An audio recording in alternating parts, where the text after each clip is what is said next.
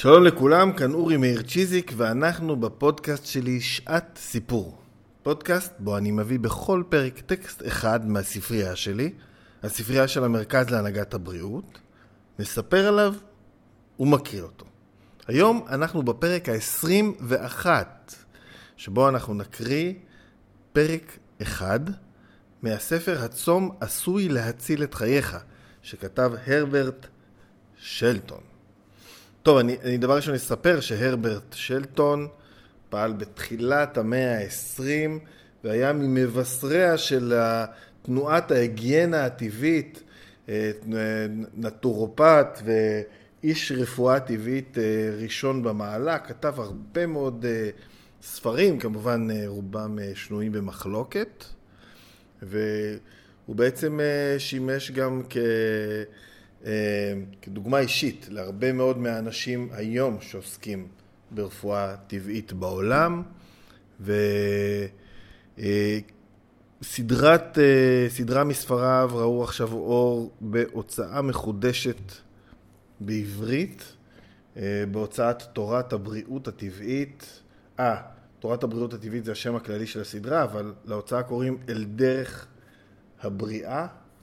אה, את הספר תרגמה ספציפי, את הספר הזה, הצום עשוי להציל את חייך, אה, תרגמה נורית לוינסון מאנגלית. אה, המהדורה הזאת וההוצאה הזאת יושבת בצפת, מאוד יפה ההוצאה החדשה, גם מבחינת עיצוב ומאוד חשובה, מי שיש לו זמן ומתעניין ברפואה טבעית חשוב מאוד שתהיה בספרייה שלו הסדרה הזאת, של שלטון. אה, אני החלטתי להקריא מהספר שנקרא צום עשוי להציל את חייך, כי אני, אה, אני חושב שאנחנו לא מספיק משתמשים בצום אה, ברפואה הטבעית, ואני חושב שצום הוא כלי רפואי וכללי ראשון במעלה לשמירה על הבריאות שלנו. ואני משתמש בו באופן אה, ספציפי כשאני מרגיש לא טוב, או כשאני חולה, או שאני... דרושה לי חזרה לאיזשהו איזון, ובעצם אה, מתוך הבנה שיותר, הגוף שלנו קל לו יותר להתמודד עם אה, צום מאשר עם השפע שאנחנו חיים בו. הספר הוא מאוד מאוד מקיף, אבל אני בחרתי את הפרק הראשון שקוראים לו אתה והצום.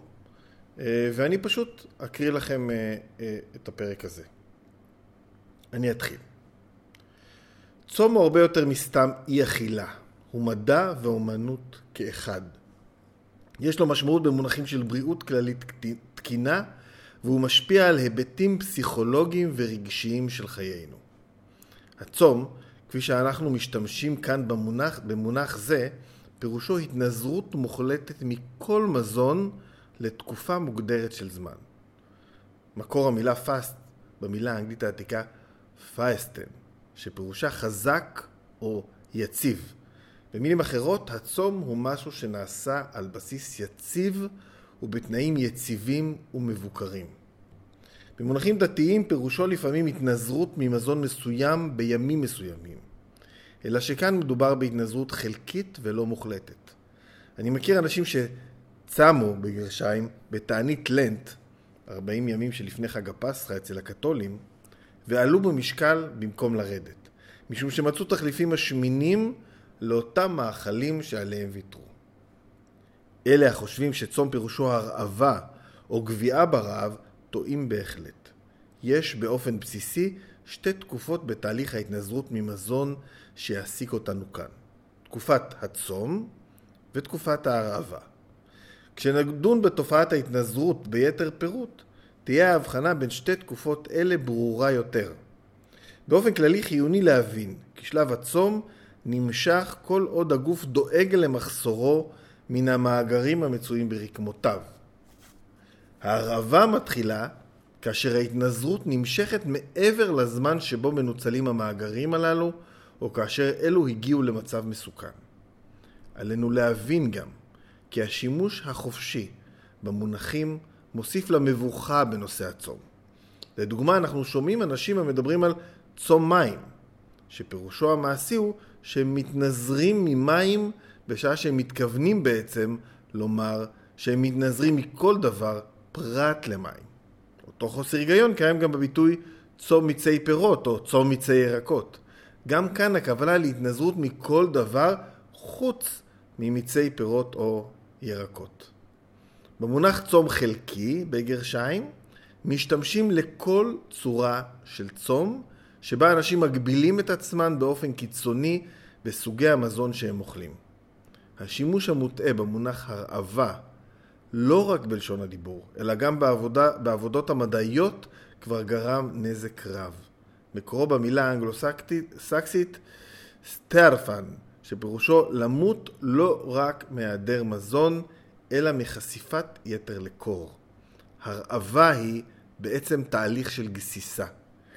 אינך יכול להרעיב את עצמך ולהיעשות בריא. אפשר לצום למשך תקופות מסוימות וסבירות, ועל ידי כך לשפר את המצב הגופני ולהגיע לבריאות תקינה.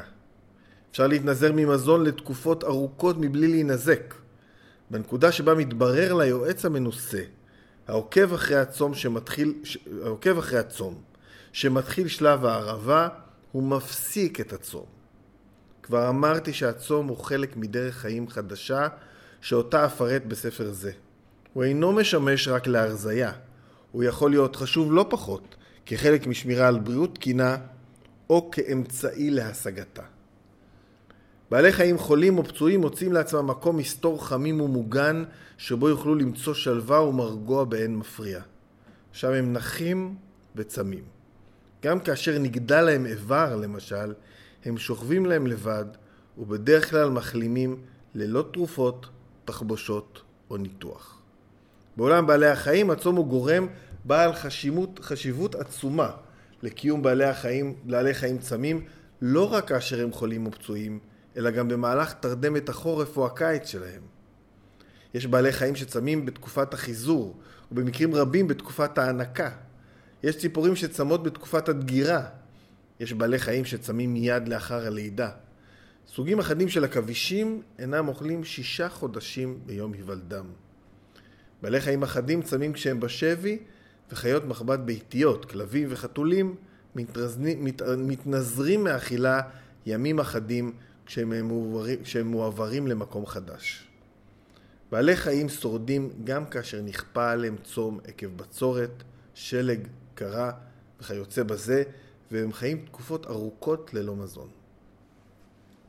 המין האנושי השתמש בצום בחלקים שונים של העולם לצרכים דתיים, להגברת המשמעת העצמית, למטרות פוליטיות וכאמצעי לשיפור הבריאות. רק במאות האחרונות התבצרה בקרבנו הדעה שעלינו לאכול כדי לשמור על כוחנו.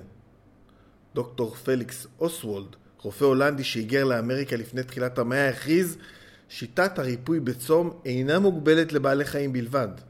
ידוע לכל כי כאבים, חום, הפרעות בעיכול ואפילו הפרעות נפשיות גורמות לאיבוד התיאבון. ורק אחיות, אחיות לא חכמות ינסו לסכל את עצתו של הטבע במקרים כאלה. הצום הוא תופעה עתיקת יומין. אפשר לקרוא עליו בתנ"ך ובכתבי הומרוס. היו משתמשים בו לטיפול בחולים במקדשים עתיקים במצרים, ביוון ובכל אזור הים התיכון. השימוש בצום במחלות חריפות ידוע מימי קדם. בימי הביניים המליצו עליו רופאים ערבים, לפני 150 שנה המליצו עליו רופאים נפוליטנים, באיטליה המליצו רופאים נפוליטנים באיטליה על צום שארך לפעמים 40 יום במקרים של חום. אני אספר פה בהערת שוליים שאני קראתי אצל אבן חלדון, אולי אפילו הקראתי את זה פה באחד הפרקים בפודקאסט, שהוא ממליץ לבן אדם שיש לו חום לצום שלושה שבועות לפחות בתור התחלה רק על מים. מחבר ספר זה מטפל בחולים בעזרת צום מאז הקיץ של שנת 1920. ב-45 השנים האלו השגחתי על אלפי צמים לתקופות שנמשכו בין ימים אחדים ל-90 יום, גם כדי לרדת במשקל וגם כדי לעזור לגוף להתגבר על שיבוש כלשהו. במקרה מסוים של אדם מבוגר יש עניין מיוחד, בגלל התוצאות שהיו כל כך מוצלחות. מר א' ב' נקרא לו, היה אדם חולני בן 70. 13 שנה סבל מברונכית אסתמטית ובמשך תקופה זו אושפז חמש פעמים. שנים ארוכות סבל מבעיות בסינוסים. שש שנים היה חירש לגמרי באוזנו השמאלית, ושש שנים הייתה בלוטת ההרמונית שלו מוגדלת. הוא גם איבד את אונו המיני שנים אחדות קודם לכן. הוא נעזר במשקפיים, ראשו היה קרח, והיו לו כמה סימפטומים קלים רגילים, המצביעים על כך שמצבו הגופני אינו טוב, אף שבמקרים רבים מתעלמים ממחלות כאלו שנמצאות בראשיתן. הוא אף טופל במשך שנים בשיטות הרגילות. התברר לו ששום תועלת ממשית לא צמחה לו מטיפולים אלה. כי רבים אחרים הסובלים כמוהו, מצבו הורע והלך. בדרך כלל ידוע כי הטיפול הסדיר בחולים אסתמטיים נועד להרגיע, ומצבו של חולה זה הולך ומידרדר עם הזמן. באותה מידה ידוע שדרכי הטיפול הרגילות אינן מצליחות, אלא להקל לתקופה קצרה על הסובלים ממחלה זו של הסינוסים. מיותר להוסיף ששום דבר בעל ערך לא נעשה לטיפול בחרשות או בעניין בלוטת ההרמונית המוגדלת. כל המחלות האלו ידועות בדרך כלל כבלתי אפשרויות, אפשריות לריפוי.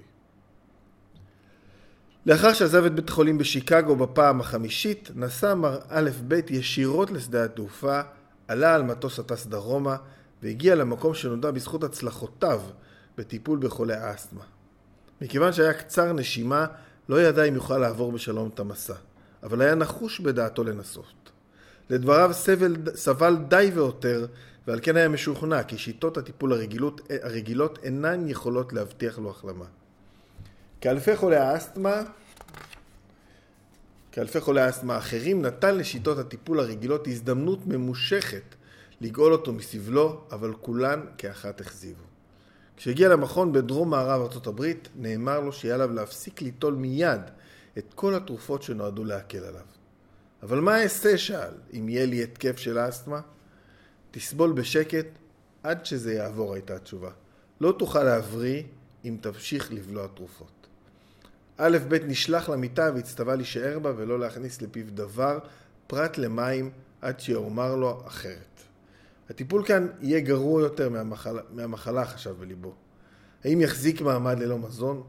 הוא היה חלש משנים של סבל ומתקופה ממושכת שבה לא היה מסוגל לשאוף אל גופו די חמצן. הובטח לו שישגיחו עליו השגחה קפדנית וכי שום נזק לא ייגרם לו. בחרדה מסוימת החל א' ב' בהתנסות שהייתה בסופו של דבר מפתיעה ונעימה בשבילו. הצום, הצום אינו נעים בכל מקרה. אבל הוא יכול להיות מעניין מאוד ואפילו מהנה. החופש והקלות שהם מנת חלקם של המתנזרים ממזון למשך זמן מה, מאפשרים להם במקרים רבים לגלות עומקים חדשים במשמעות החיים שלא חלמו עליהם בעבר. בשעה ארבע לפנות בוקר, בליל הצום הראשון, תקף את א' ב' התקף חמור של אסתמה. הוא לא היה מסוגל לנשום בשכיבה ועל כן התיישב במיטתו וצלצל בפעמון לעזרה. הרופא הגיע ולאחר בדיקה והסתכלות אמר, זה יעבור לך עוד זמן קצר. בתוך 24 שעות ייעלמו כל הסימפטומים של האסתמה ואתה תרגיש טוב. כשהלך הרופא המשיך א' ב' להיאבק על נשימתו. לאיזה מין מקום הגעתי? שאל את החולה במיטה הסמוכה. הם אפילו לא עושים כלום כדי להקל עליי. הוא המשיך להיאבק עוד כמה רגעים, וכשהוקע לו, שוב נרדם. כשהרופא ראה אותו שוב בבוקר, הרגיש א' ב' טוב עד כדי כך שהיה מוכן לסלוח לו על ההזנחה כביכול מן הלילה. שמחתו הלכה וגברה כשעבר יום אחד, יום אחר, יום אחר יום בלי קשיי נשימה. נשימתו הייתה נקייה כפי שזכר אותה מילדותו, ללא זכר לאסתמה. התקפי האסתמה לא חזרו אליו למש... לכל משך שהותו במוסד. הסינוסים עדיין הפרישו והצום נמשך. לאחר כשישה ימים ללא מזון, היה מסוגל להטיל שתן כילד קטן. בעלותת ההרמונית התכווצה וחזרה לגודלה התקין. הוא המשיך לצום, והראה איך יום אחר יום נעלמים הסימפטומים עד שהסינוסים התנקו. הנשימה הייתה קלה, ובטח הזה הפך למקור הנאה. ביום ה-25 לצום שאל את הרופא אם יורשה לו להפסיקו. נאמר לו שהפסקה כזאת תהיה מוקדמת מדי, מכיוון שעדיין לא החלים לגמרי, ועל כן עדיף להמשיך. אתה לא בבית כלא, אמר לו הרופא. לא נכריח אותך להמשיך לצום בניגוד לרצונך. אבל אם אתה שואל לעצתי, כדאי לך להמשיך עוד קצת. הוא שמע להצעת הרופא והמשיך בצום. ביום ה-36 לצום חזרה אליו השמיעה באוזנו החירשת לתדהמתו הגדולה. השמיעה הייתה כל כך טובה עד כי היה מסוגל לשמוע בקלות טקטוק של שעון קטן שהחזיק במרחק זרוע מאוזנו. חשוב לא פחות לציין שהחירשות נעלמה לבלי שוב. הצום נמשך עד היום ה-42 ואז חזר א' ב' לאכול. אלא שציפתה לו עוד הפתעה אחת.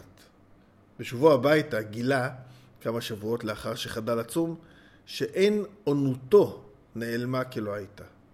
היות שמקרים כאלה אצל גברים והתגברות על פריג'ידיות אצל נשים הן תוצאות שכיחות של צום, לא הפתיע הדבר את מנהל המכון. מקרה זה אינו פרי הדמיון. זה תיאור ממשי של החלמתו של אדם שסבל כפי שתיארתי, עבר טיפול בצום כפי שסופר לאל, והחלים כמתואר. לא היה זה מקרה יוצא דופן, פרט למג... למגוון המחלות שמהן סבל, אלא אם נאמר ששיקום השמיעה אינו מובטח לכל חירש שצם. זאת תוצאה אפשרית של צום. זאת משום שחירשות, כמו עיוורון, עשויה להיות תוצאה של כמה מחלות באוזן שלא כולן בנות ריפוי. ראייתם של עיוורים חוזרת רק במקרים מסוימות לאחר צום, מאותה סיבה, אף על פי ששיפור הראייה במקרים של הפרעות בשבירת האור אינו נדיר. לסיפורי החלמה דרמטיים כאלה עקב צום מבוקר לפרק זמן מתאים, בתנאים הטובים ביותר, יכול להאמין רק מי שהיה עד להם בעצמו.